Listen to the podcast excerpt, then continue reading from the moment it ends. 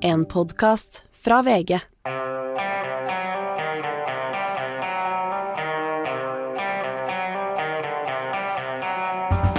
Ikke visste jeg at alle disse dagene som kom og gikk, de var selve uke sju.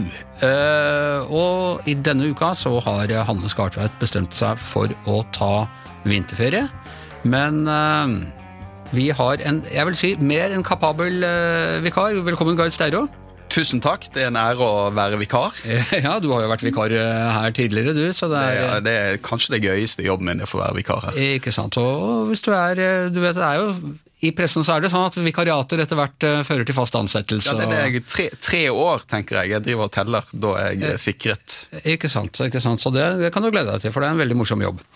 Du, eh, er flere grunner til at, du, eh, at vi gjerne ville at du skulle vikariere eh, akkurat denne uka. og den viktigste er egentlig den store saken som har hjemsøkt sosiale medier, og eh, også etablerte medier. Hva kaller vi oss selv? MSM? Eller? MSM, ja. Eller- Redaktørstyrte medier. Redaktørstyrte medier. Det er et uh, bilde som uh, influenser og NRK-medarbeider og min podkollega eh, Sofie Elise Isaksen eh, la ut på sin Instagram-konto. Det forestilte henne og en annen influenser som jeg ikke kan si navnet på. Eh, og den andre influenseren hadde en pose i hånden, som, en bitte liten pose som vi ikke helt vet hva inneholdt. Og dette har ført til eh, voldsomme eh, både overskrifter og, og jeg så det siste nå var Vårt Land. eh, gikk ut med, med navnet også på den andre influenseren. Vi har verken publisert bi dette bildet eller eller navnet på den andre influenseren, men vi har skrevet eller publisert mye om saken ellers. Og etter at vi snakket om det her med, med Selva Moren eh, tidligere i uka, så har jeg fått veldig mange eh, henvendelser på, med spørsmål om hvorfor vi ikke eh, Hvorfor vi har gjort det på den måten. Og eh, ingen av de svarene jeg har gitt, har eh, de som har skrevet inn, vært helt fornøyd med. Så Nei, jeg tenkte jeg, nå kan, han, som, kan du- han, han som har ansvaret, Ja. min vikar Jeg, kan, jeg, kan, jeg tror det er enklest å begynne med å fortelle hvorfor det at Sofie Elise Isaksen legger ut det bildet har offentlig interesse. Eh, og det, har, det er to årsaker til det, mener jeg. Den ene årsaken er at hun er en av Norges største influensere, med betydelig øh, Som en influenser har. Hun er et, øh, en aktør, da, som jeg mener er en profesjonell aktør, som, som veldig mange nordmenn følger. Hun, har, øh, hun er på en måte på størrelse med Aftenposten i, i, i antall lesere enkelte dager. Eh, hun har veldig mange kunder, og driver jo men ikke så stor som VG. Nei, enn foreløpig ikke. Men hun er jo et, hun er et brand i seg sjøl. Og det er jo noe selvfølgelig når du er når, du, når, når virksomheten din er deg som person, så er det klart at det som du gjør person, som person, på godt og vondt, det har eh, en offentlig interesse. Men det som gjorde denne saken spesiell, og grunnen til at dette tok helt av, er jo NRK-podkasten. Og det var jo det som var starten på denne saken. Det var jo at eh, NRK sa at de måtte ta en grundig prat med Isaksen, eh, men òg at det liksom begynte å ramle inn krager til NRK. Og da skal man huske at denne podkasten som, som NRK eh, publiserer da med Sofie Elisaksen, den er allerede omstridt. Den er omstridt fordi For det første fordi Sofie Elisaksen er en måte en person som skaper debatt. Jeg regner med det er en av grunnene til at NRK ønsket å ta henne inn. Men òg fordi at dette er første gang NRK inngår et samarbeid med en influenser, der influenseren får lov å drive med forretningsvirksomhet mens du er på NRK sine flater. Det er uvanlig. Så Derfor har dette skapt veldig mye debatt. Men jeg tror ikke det er så kontroversielt at vi omtaler saken, eller noe Noen- Det er de som noen- alle noen- blir sinte hvis vi i det hele tatt mener det òg, men, der, Ja. men da, når du hører begrunnelsen min, så er spørsmålet hva er begrunnelsen for å omtale den andre influenseren? Ja. Uh, og denne andre influenseren har i alle fall ikke noe program på NRK. Uh, den er en eh, Vedkommende er mindre kjent. Og så er det òg at det er denne personen som holder denne posen. Og vår refleksjon i starten var at det var ganske viktig å få kontakt med vedkommende. eh, og få snakket med vedkommende for å høre hva dette er for noe, og ikke på autopilot gå ut eh, med dette. Men dette er en løpende vurdering, som vi sier. Eh, det er flere som har identifisert henne nå. Jeg ser ikke bort fra at VG òg kommer til å identifisere henne. Vårt Land på lederplass ja, i dag. Det er mange, men, men det er iallfall et poeng i denne saken at Sofie Elise Isaksen har, et, uh, har en podkast på NRK, har søkt offentlighet på en litt annen måte enn den andre influenseren, og i alle fall denne NRK-bindingen er åpenbart relevant å diskutere. Og Så må vi passe på, da, tror jeg, at det at en influenser i seg sjøl holder en pose med hvitt pulver som noen tror uh, kan ante, noen tror er narkotika, i seg sjøl er jeg litt usikker på om har offentlig interesse. Nei. Men er, det, det, mener jeg vi skal passe litt på. Sant? At vi ikke liksom driver og omtaler uh, kjente personers uh, rusbruk da, sånn på autopilot, det, det, er jeg usikker på om har offentlig interesse. Og Vi altså. vet ikke om dette er rusbruk? Nei, vi vet ikke hva det er. sant? Og, og jeg i fall tenker som så at det er i fall en fordel å prøve å få snakket med vedkommende, men nå begynner det å ha gått så mange dager òg at på et eller annet, nå er saken blitt så stor at jeg skjønner at nå hun blir identifisert i ulike medier.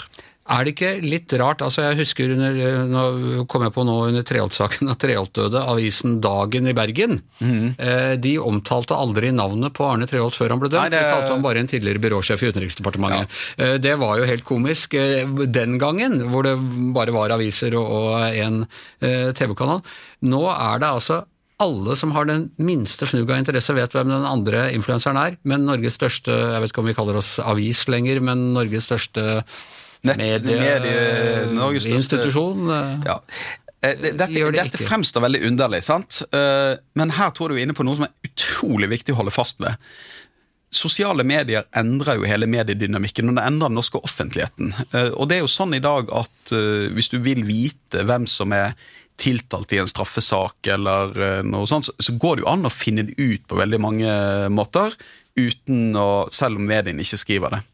Men jeg mener det er utrolig viktig at mediene holder fast ved sin presseetikk, og ikke lar sosiale medier liksom presse oss til å identifisere.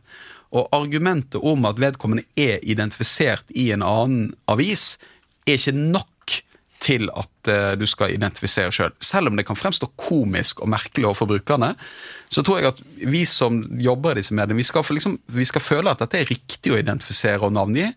Og så må vi selvfølgelig liksom, Noen ganger kan frem, sånn Dagen-eksempelet fremstå litt underlig etter hvert. Men det er iallfall noe med på et eller annet tidspunkt så må man gjøre disse vurderingene. Og iallfall ikke la seg presse til å identifisere før man sjøl mener det er riktig. Det tror jeg er viktig. Du nevnte som en av årsakene her at, at uh, den andre influenseren har man ikke fått i tale, ikke kommenterer. Og, og sånn, og jeg ser at det blir en stadig Eh, det har vært et lite skifte der. Før så sa man liksom sånn at man ga, man ga, en person et visst antall rimelig tid for å kommentere, og så da, da, går vi ut uansett. Nå virker det mer og mer som man eh, Det å ikke ville kommentere Eh, det holder mediene og den tradisjonelle redaktørstyrte mediene mer tilbake. Er det blitt eh, det beste trikset for PR-byråene nå? Si til alle at eh, ikke kommenter, ikke si noe? Hvis PR-byråene sier det, så tror jeg det er et veldig dårlig råd å gi. Eh, for det første så tror jeg du må skille mellom personer med, som er medievante, med makt og, eh, og, betydelig ansvar i offentligheten. Det er klart at en næringslivsleder eller en politiker eller en redaktør kan ikke si at dette vil jeg ikke kommentere over tid. Eh, men en lite medievant person må du ta større hensyn til, etter min mening. Og iallfall så er det et forskjell på det som jeg mener er private anliggende, og det som er åpenbart offentlige anliggende. Men i lengden så tror jeg det er ikke sånn at, eh, det er sånn at vi setter ofte frister til eh, folk fortsatt. Vi sier at du, du må svare på disse spørsmålene innen et eller annet tidspunkt. Det mediene har blitt mye flinkere til, det er å gi folk nok tid. Dette var jo, hvis Du går tilbake, du skal ikke mange årene tilbake før mediene kunne sitte med stort, en stor avsløring over veldig lang tid. og liksom Kvart på publisering så pliktskyldigst ber man om å få en kommentar fra den som er utsatt for angrep, for å oppfylle liksom, tilsvarsretten. tilsvarsretten, eller samtidig møtegåelse. Det mener jeg er, feil, det er umoderne, og det er feil måte å gjøre det på. Så jeg tror nok at man, mediene er blitt mye mer transparente og åpne og bruker mer tid i denne prosessen klok av skade. altså Journalistikken blir bedre av den grunn. I dette tilfellet er det jo ikke det som er saken. Men, men jeg tenker at dette er en ung kvinne som står med denne posen, som nå har havnet i en mediestorm. da, Eh, Vi vet ikke om hun eh, ønsket å stille opp på dette bildet. Vi vet i hvert fall ikke om hun liksom sa ja til at dette skulle publiseres. Vi vet ikke hva som er i denne posen. Vi vet, ikke, vi vet veldig lite om dette. Og da kan man jo tenke at selv da VG, som er, et, som er en avis som ofte ligger i forkant og er tøff i identifisering, noen ganger skal man kanskje da bruke to dager ekstra. Men jeg syns jo nå at jeg er jo enig med deg i det at på et eller annet tidspunkt altså, gir det ikke mening nesten å ikke identifisere. eh, Altså, og det er gode argumenter for å identifisere òg, fordi at det kan være andre forhold knyttet til eh, Nå blir det litt i koder her, da, som kan gjøre dette at det har offentlig interesse. Nå vil jeg bare understreke at jeg mener ikke jeg er bare et medium for uh, lyt lytterreaksjonene. skjønner jeg. Du er jo veldig rollebevisst, Anders. Ja, jeg er det, lytternes mann. Ja. uh, men du nevnte nettopp det med, med altså, de private hensyn. Og det er helt opplagt at hvis, hvis uh, oljefondet går med kjempeunderskudd, så må Tangen kommentere det. Og hvis han ikke mm, kommenterer det, så skriver vi det likevel. Men hvis det er mer private øh, forhold, det er nettopp grenser inn i, i de områdene hvor vi er noe uh, mer forsiktige, da er vel dette med å ikke kommentere en måte å i hvert fall utsette publisering om det på. Ja, Det kan det være. Det er litt forskjell på saker. Hvis du husker uh, saken om Odd Roger Enoksen. Uh, det var, gjaldt jo det noen vil si i hvert fall et, om det, det er ikke et privat forhold, etter min mening, pga. rollen, men det er, en, eh, det, er jo, det er jo et Han hadde altså et forhold til en svært ja, hadde yngre kvinne som har truffet gjennom Ja, han hatt, hatt et forhold til en, eh, til en yngre kvinne langt tilbake i, i tid. Eh, og noen vil jo si at dette tilhører liksom privatliv, vil noen mene. Jeg er uenig i det. Jeg mener at hvis du er statsråd eller eh, så, så, så er dette så, så kan du ikke så, så er det en del av som du vil oppleve som privat, som har offentlig interesse. Men der satt vi jo veldig Der ga vi jo en tidsfrist til å svare. Ja, men satt, du, du publiserte det ikke sånn dagen etter at du hadde fått at vi hadde Ja, det gikk ganske fort derfra du fikk kontakt, men det er jo fordi at vedkommende er medievant, vedkommende må kunne svare på disse spørsmålene. Eh, Men det er som jeg sier, du sier liksom at dette er en måte å utsette på. Jeg tror det er en veldig dårlig taktikk. Fordi at jeg tror at hvis du utsettes for kritisk journalistikk, eh, så tror jeg det er veldig det er, I lengden så er det en veldig dårlig taktikk å ikke være eh, åpen og transparent og svare på spørsmål. Det mitt råd pleier å være til mennesker som da havner i den type situasjoner, det er jo at hvis de ikke klarer å svare sjøl, så må de få seg en eller annen eh, kontaktperson som kan være kontaktperson inn mot pressen. Eh, og det opplever jeg ofte fungerer ganske godt. Vi har ikke publisert eh, selve bildet heller.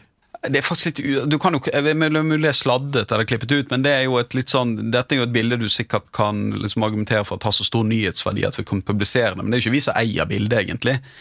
Men eh, jeg tror nok at denne saken begynner å få en sånn karakter at den må liksom opplyses best mulig for å få en informasjon, sånn at den kan diskuteres på riktig grunnlag.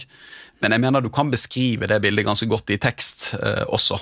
Ja, Det er bare den litt rare om at vi, vi beskriver et bilde om øh, som alle har sett, og som alle har uh, tilgang på, men det er ikke publisert på Nei, og det er jo Og hvem eier bildet, og hvordan Ja. skal du forholde deg til dette. Det er jo et liksom sånn opphavsrettslig spørsmål òg. Eh, egentlig Men jeg mener at dette bildet har så stor nyhetsverdi nå at at det kan publiseres.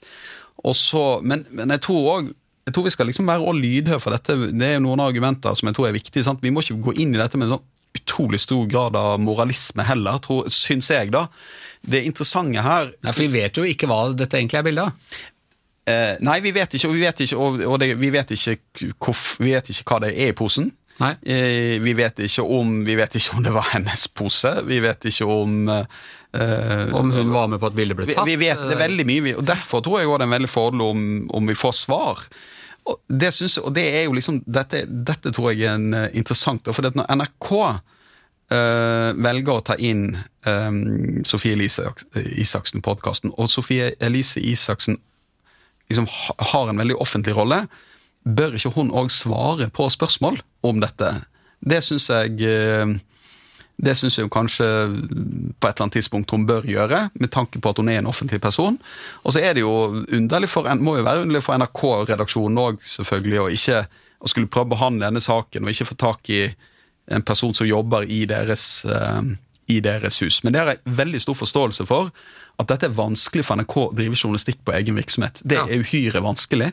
Så det er vi andre mediene som må lage denne journalistikken. Og så får NRK opplyse, da, mener jeg, om hva som skjer, men at det er vi som må drive den kritiske journalistikken her. Hvis Magne og jeg sto med en diger vanntjobang og la ut bilde av oss på Facebook og sa at noen ganger må du bare gjøre et eller annet for å få det en milliard ganger eh, morsommere, og la ut det på Facebook-sida vår, hadde jeg hatt denne jobben på mandag da? Du hadde blitt kalt inn til en samtale, uh, men jeg syns Per Arne Kalbakk svarte liksom ok på det, syns jeg. Uh, han sa til at hvis det Sofie Elise Isaksen har sagt, hvis dette hadde gjeldt en vanlig NRK-medarbeider, så hadde ikke det fått noen konsekvenser for en journalist i NRK òg. Men jeg mener at journalister i VG, og journalister i Aftenposten og journalister i NRK eh, de har tatt på seg et ansvar når de jobber som journalister. Får veldig mange privilegier som journalist. Og da er det sånn at du kan ikke liksom ta av deg det pressekortet ditt når du går fra jobb og tenker at nå er jeg privatperson og kan gjøre hva jeg vil. Du har et ansvar for hvordan du fremstår i offentligheten. Sånn at hvis du hadde gått rundt da og eh, eh ja, gjort begått lovbrudd og eh, fortalt om det i sosiale medier og sagt at dette er et privat anliggende, den kjøper jeg ikke. Jeg er veldig glad for at jeg noterer notere at jeg skal ikke gjøre det. Um, hva syns du om NRKs uh, håndtering av det? Altså, det skal jo da ikke få konsekvenser for denne podkasten? Det, det, er helt umulig å ta stilling til, for da må du vite hva Isaksen har forklart. Det vet jeg ikke. Uh, men, uh, men, du kan jo si det. La oss, hvis du legger til grunn da, at Sofie Elise Isaksen har jo tatt dette bildet lagt det ut, vært på fest, eh, og kanskje ikke har noe kunnskap om hva denne posen, vet ikke hva som ligger i den i det hele tatt. og vi så ikke at den var til stede. Ikke var til stede, sant? Så skal det få konsekvenser for henne. Der syns jeg på en måte Astrid Mæland, vår kollega, er inne på noe kanskje noe mer interessant nå. da, Det er jo Er dette innenfor det NRK bør gjøre? Er denne podkasten er, er dette riktig av NRK å holde på med? Eh, jeg eh, mener nok at det er viktig for NRK uh, å, å, prøve å teste nye konsepter for å nå unge, et publikum de ikke når i dag. Er dette riktig? Det vil det være delte meninger om. Ja. Det vil det helt sikkert, og, og saken er ikke helt over. Vi skal snakke om et par andre ting også. Og i dag eller i går så dro en topptung delegasjon fra Norge til sikkerhetskonferansen i Norge München, eh, statsministeren, utenriksministeren, forsvarsministeren, eh, Jens Stoltenberg og ikke minst vår egen Per Olav Ødegård eh, er på plass. Hvordan er det i München nå, Per Olav? Er det fint vær? I dag er det litt overskyet og litt sånn usikkert vær. Når jeg kom her i går, så var det sol og nesten vårlig. Ja, herlig. Herlig. Du, eh, litt av en start eh, Norge får på denne, altså som jeg sa. Det er en veldig eh, topptung delegasjon som drar her. Denne uken så vedtok Stortinget nesten enstemmig en pakke på 75 milliarder kroner til, til Ukraina. Både, både sånn hjelp til sivilsamfunnet, men også en betydelig militærpakke. Og i dag så våkner da hele delegasjonen til nyheten om at eh, forsvarssjef Eirik Kristoffersen i Klassekampen av alle steder går ut og sier at eh, Ukraina kan ikke vinne denne krigen. Hvordan blir det tatt imot der nede? Ja, nå har ikke jeg snakket med, Møtet her er ikke i gang ennå. Jeg har ikke snakket med noen av de norske representantene. Det er som du sier, både statsministeren er her, og fire andre statsråder er her. Eh, så jeg har ikke fått noen reaksjoner fra noen av de ennå. Eh, møtene starter først eh, senere i ettermiddag. Eh, men eh, det er jo et veldig interessant eh, og ja, ganske oppsiktsvekkende utspill fra forsvarssjefen. Ja, eh, han sier vel for så vidt også at heller ikke Russland kan vinne, at denne krigen på en måte ikke kan vinnes militært, men at det må skje med forhandlingsbordet. Men er ikke det det de sier, nettopp de som ikke vil eh, gi våpenhjelp eh, til Ukraina, og de som mener at Eh, Russland eh, var på en måte legitimt provosert av Natos eh, ekspansjon, og alle de som har kjørt dette. Er ikke dette en gavepakke til hele den retorikken der? Det kan godt være de vil forsøke å bruke det slik, og jeg ikke, tror neppe at det er forsvarssjefens mening å gjøre det. Men dette med at krigen ikke kan vinnes Jeg syns det er interessant på den måten at Eh, jeg tror dette er en slags fagmilitær vurdering av hvordan situasjonen er på bakken i Ukraina. Og det vi ser i Ukraina akkurat nå, er jo en krig som på mange måter eh, står ganske stille. Det er en stillingskrig i eh, Øst-Ukraina. Eh, det er veldig harde kamper. De kjemper eh, med store tap på begge sider, og frontene beveger seg lite. Vi forventer en russisk offensiv, og den er kanskje allerede i gang. Og at dette slik det nå ser ut, så blir dette en langvarig krig. Eh, og det er vanskelig å se eh, at en av partene skal få et militært overtak med det første. Men eh, samtidig så har det jo vært hele tiden fra vestlig side, sånn som jeg oppfattet det Det å støtte Ukraina handler også om at Ukraina skal komme i en best mulig posisjon til å forhandle en best mulig avtale når den tid kommer. Og når den tid kommer, det er på en måte opp til Ukraina selv å bestemme. Men det er en ny pessimisme, syns jeg, eh, inne i hele debatten her. I eh, oktober-november, rundt liksom slaget rundt Kherson og sånn, så så man eh, optimistisk på at det virket som om russerne rett og slett hadde var drevet på retrett. Jeg ser at Stoltenberg har sagt at krigen kan vinnes. De fleste militære eksperter som mediene snakker med her i, eh, i Norge i hvert fall, har hele tiden eh, sagt at, eh, at, krigen kan vinnes. Forsvarsminister Gram har i hvert fall vært ute og sagt at Ukraina kan ikke tape denne krigen. Så er det sånn at eh, fortellingen, eller eh, på, nei, optimismen på Ukrainas vegne er i ferd med å snu, og Kristoffersen er eh, snakker bare litt for mye rett frem? Nei, jeg tror det som vi vil høre mye av her i, i, i München, i hvert fall, er at den vestlige allianse er blitt styrket i løpet av det siste året. Ikke minst den transatlantiske alliansen. At USA og Europa står mye mer sammen, at man står opp mot den russiske aggresjonen, og at man uh, aktivt uh, og på lang sikt også vil støtte Ukraina. Eh, problemet er jo at eh, eh, det er ukrainerne som kjemper denne kampen selv, riktignok da med støtte fra Vesten. Og vi ser at store mengder våpen blir gitt til Ukraina, og det er nødvendig for at de skal kunne klare å forsvare seg. Men, vi, men det er nok en, en realisme i at denne denne krigen kan bli langvarig. Det er ikke noen utsikter til fred med det første. Men, så det er en blanding. Det er en pessimisme kanskje når det gjelder akkurat noe snarlig utvikling i krigen eh, i positiv retning. Eh, samtidig så er det en eh, slags optimisme fordi at eh, man ser at eh, de vestlige demokratiene har ikke latt seg splitte, eller eh, man har ikke opplevd man står ganske samstemte da, eh, i, i, i, i, opposisjonen mot det som Russland foretar seg. Så Det gir jo grunn til en slags optimisme. men, men det er, ser ganske mørkt ut på, på, slagmarken, i hvert fall på kort sikt. Men det er jo et sentralt poeng, at, og jeg tror nok det kommer til å gå igjen, at man kan ikke la Russland vinne frem ved å bruke makt, som de har gjort i dette tilfellet. Og at det er noe som eh, ikke bare handler om Ukraina, men om hele den vestlige allianse og det som man skal forsvare. Den vestlige alliansen ja, og det transatlantiske samarbeidet. Det kommer noen big shots fra USA også? Eh, Kamala Harris, visepresidenten, er her. Eh, det er også Anthony Blinken, eh, eh utenriksministeren. Eh, og den største delegasjonen av amerikanske politikere i denne konferansens snart 60 år lange historie. Og det forteller jo også litt om at det er på en måte en en, en, eh, altså, eh, Amerikanerne er opptatt av Europa. Det er ikke bare eh, rivaliseringen med Kina. De er svært opptatt av å vise at man viser dette her transatlantiske samholdet. Og så tror jeg også at en del av de republikanerne som er med her, er veldig opptatt av det tror jeg også demokratene er, at europeerne må ta et større ansvar for sin egen sikkerhet, men at amerikanerne står sammen med dem om dette. Men eh, vil også benytte anledningen til å kreve at Europa stiller enda sterkere opp. Og så er det en interessant side ved det at vi har den kinesiske topp diplomaten Wang Yi, som jo er en nær rådgiver for eh, Xi Jinping i Kina, som også er her. Eh, og det er forventet at ehm, Han skal jo møte mange av de europeiske lederne under dette, under, i møter her. Eh, og jeg vil anta at han også kommer til å møte Anthony Blinken, som er på en måte sin amerikanske motpart. Og da har de jo litt å snakke om. Ja, blant annet så kan vi snakke om ballonger.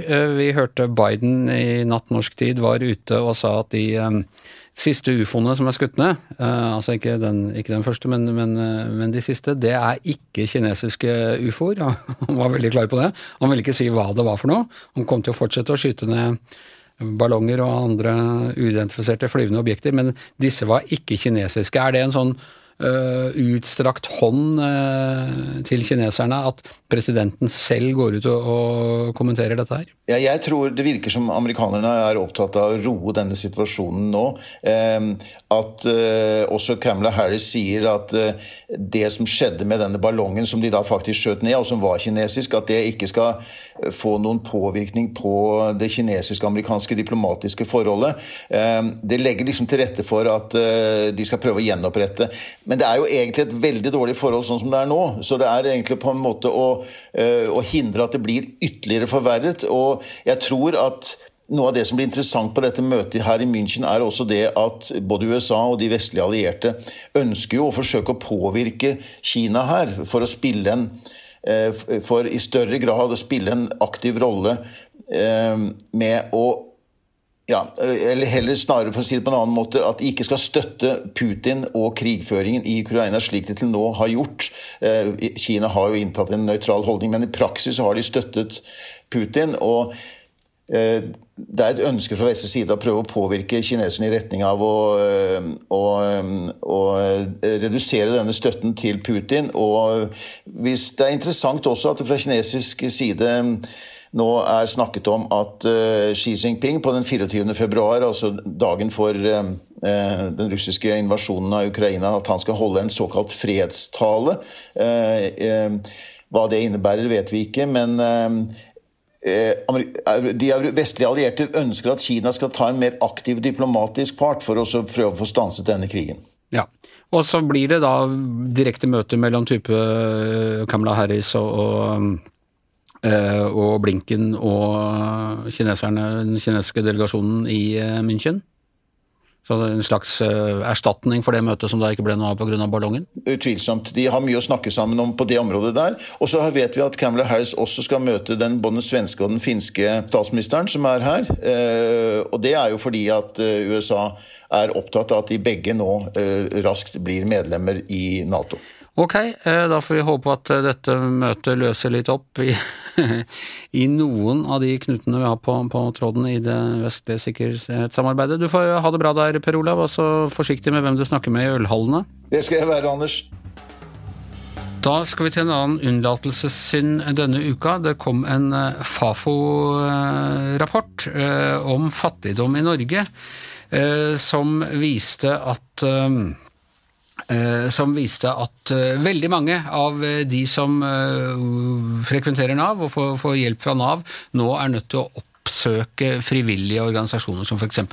Frelsesarmeen også. Det var, så vidt jeg skjønner, så har man da gjort en undersøkelse blant folk som har Eh, benyttet seg av den tjenesten eh, fra frivillige, og funnet ut at 84% av de spurte eh, også mottar ytelser fra Nav. Du skriver på en kommentar nå, Shazia, den er forhåpentligvis ute når folk hører på dette, som, hvor du sier at staten svikter de fattigste?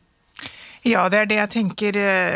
At de, altså noe er alvorlig galt når de fattigste, de mest vanskeligstilte, må ty til matstasjonene for å få nok mat å spise vi kan ikke Det er jo lett å si at vi ikke kan ha det sånn, men det vi kan faktisk ikke ha det sånn, fordi at det er lovpålagt at, at staten skal sørge for at alle norske borgere har tak over hodet og mat. Altså livsopphold, forsvarlig livsopphold. Og forsvarlig livsopphold er jo mer enn mat.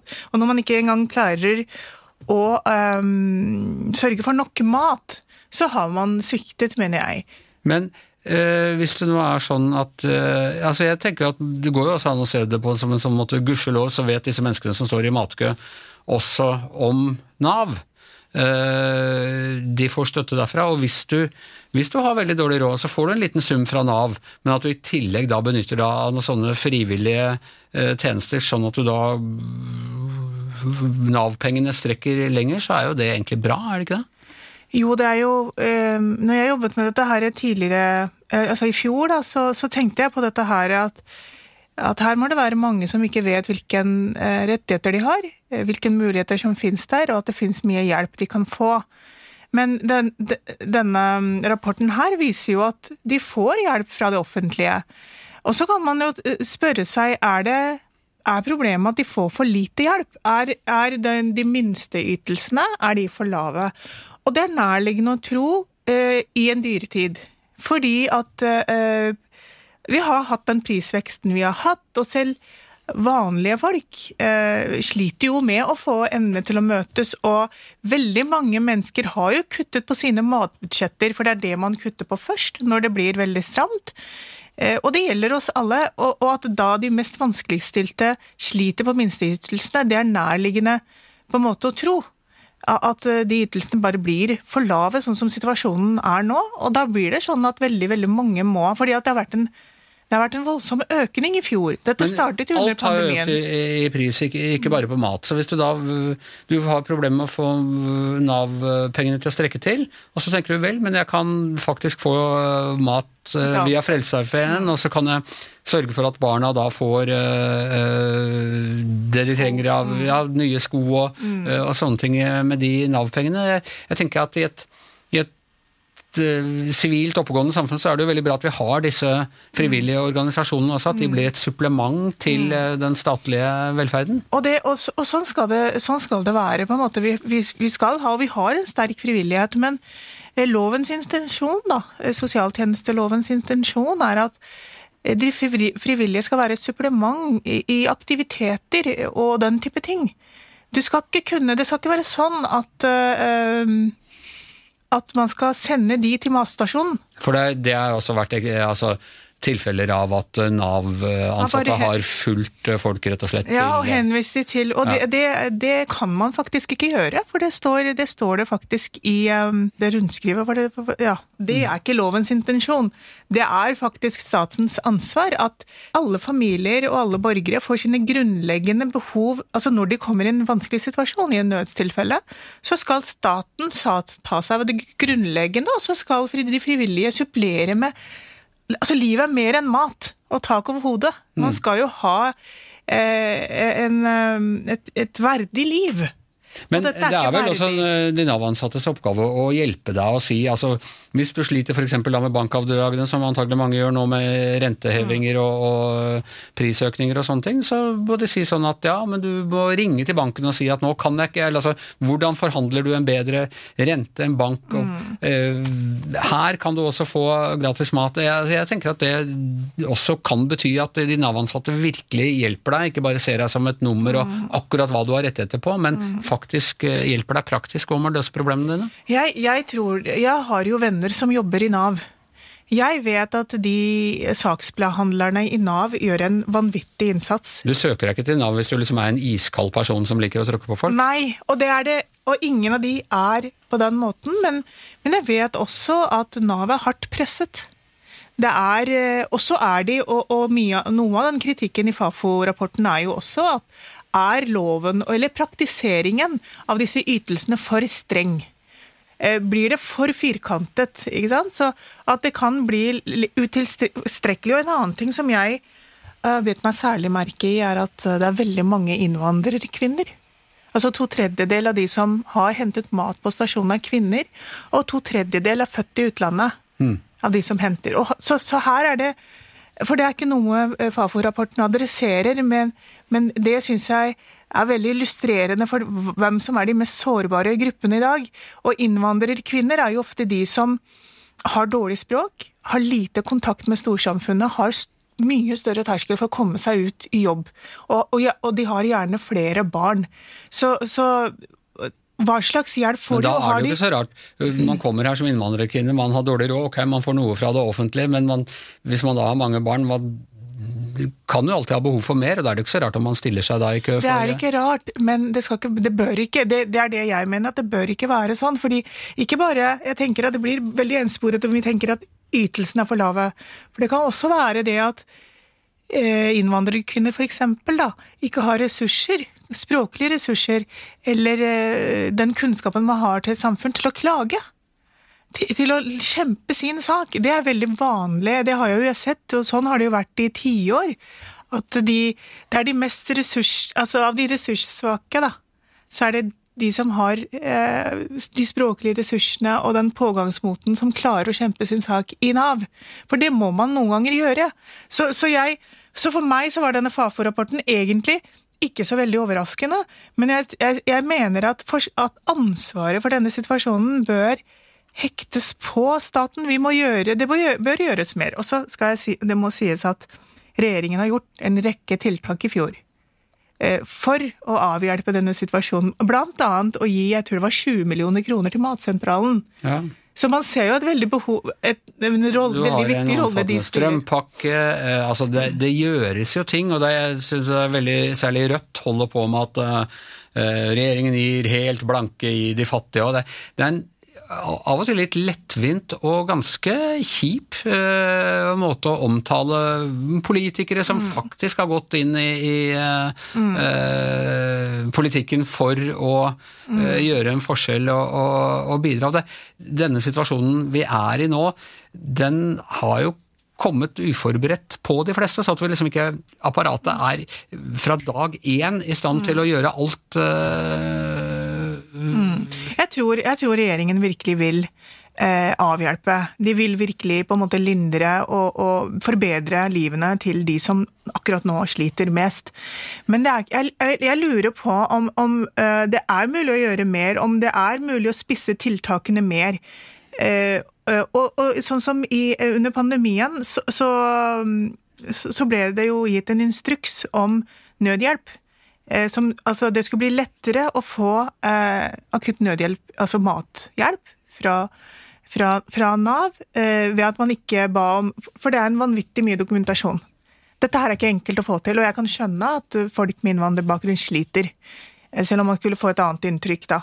Eh, men det var en instruks, en instruks, instruks som kom da, eh, som jeg, jeg, jeg, har sett at har kommet nå. Det er mer å gjøre her. Og, og um, uansett, altså, som igjen, så tenker jeg at jeg forstår og jeg har respekt for den jobben regjeringen og politikere gjør, men det, det er ikke godt nok. Og dette her Man kan si det kom brått, men nå er det et år med dyrtid, og før det to år med pandemi. For dette startet jo under pandemien, når veldig mange ble permittert. Det er jo da vi først så matkøene vokse, og så har det vært rekordlange matkøer eh, i fjor, da. Så, så dette er på en måte en problem som har vart lenge nok til at uh, det må gjøres mer.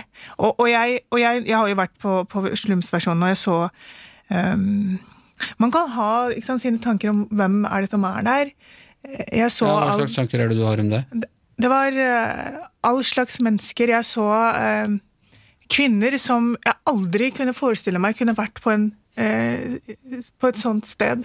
Fordi det så ut som de hadde rimelig god råd? Ja, men som har kommet i en, en nødsituasjon. Og så Det som traff meg mest, var jo den skammen de føler. Altså Terskelen er så enormt høy, da.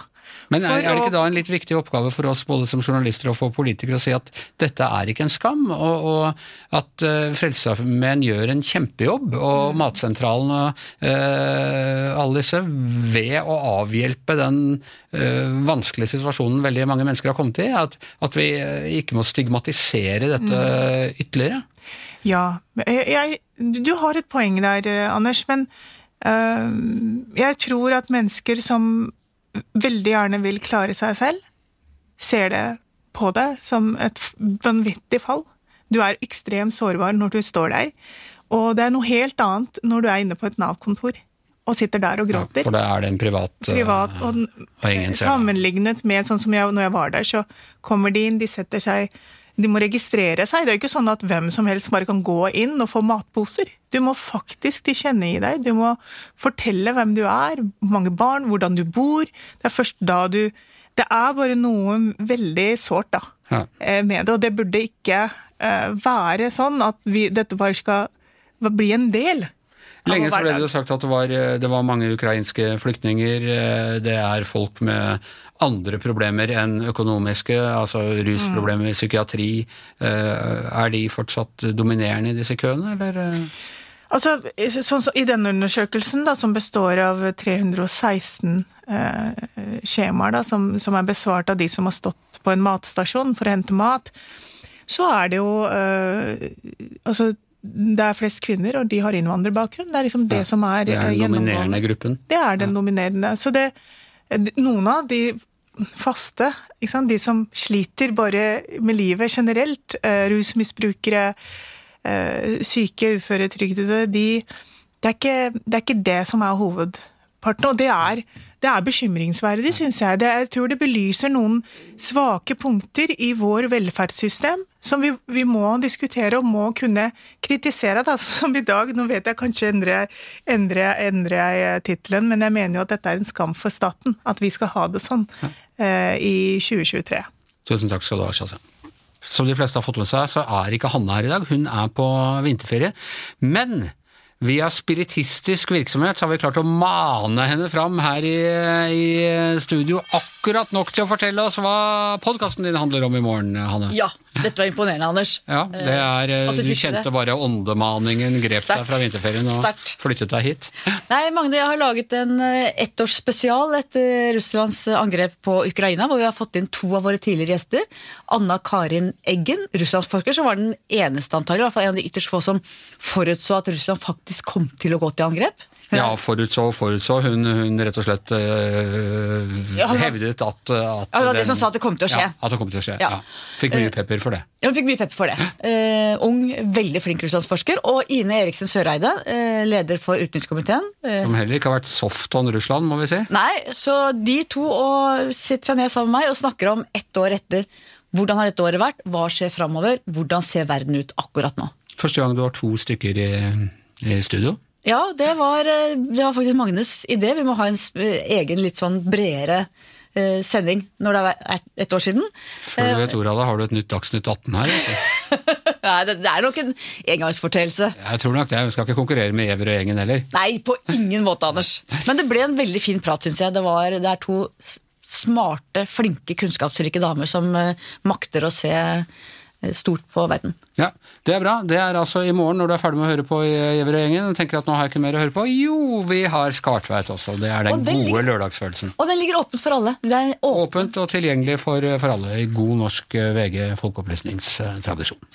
Det er helg. Skal du til Bergen, Gard? Nei, jeg skal eh, til London denne helgen. Er det noe medieseminar? Nei, det er ikke det. Det er mye hyggeligere enn et medieseminar. Jeg skal med min sønn, så vi skal, eh, jeg og han skal være i eh, London i helgen og se Book of Mormon. Ah, ah, har du det- sett den før? Jeg har sett den før. Han har ikke sett den, så dette er en del av en dannelsesreise for eh, min sønn. Vi danner, ja, jeg har, hatt, jeg har hatt med sønnen også på å sette den. Var, ve- var veldig stas. Var det vellykket? Ja, det var kjempevellykka. Hvor gammel er han? Nå er han 14. Ja, er så han er, han er akkurat i den alderen der jeg tror han uh, håper at han klarer å ta inn denne religionskritikken og eh, Religionskritikk kan man også kalle det. Hasa diga ebowai, så jeg bare. Da er det på det nærmeste slutten. Eh, Magne sier at vi må gjøre oppmerksom på at vi spilte inn denne her ganske tidlig på fredag formiddag. Det er mye nyhetsutvikling for tida, så av og til har vi sendt ut podkaster, og så har det skjedd ting i mellomtida. Men det vet dere jo. Eh, denne uka er over her i Gjevrøy-gjengen. Tusen takk til Gard Steiro, Per Olav Ødegaard, Shazia Maid, eh, Hanne delvis på ferie. Jeg heter Anders Giæver, og mannen som koreograferer hele denne musicalen er som alltid Magne Antonsen.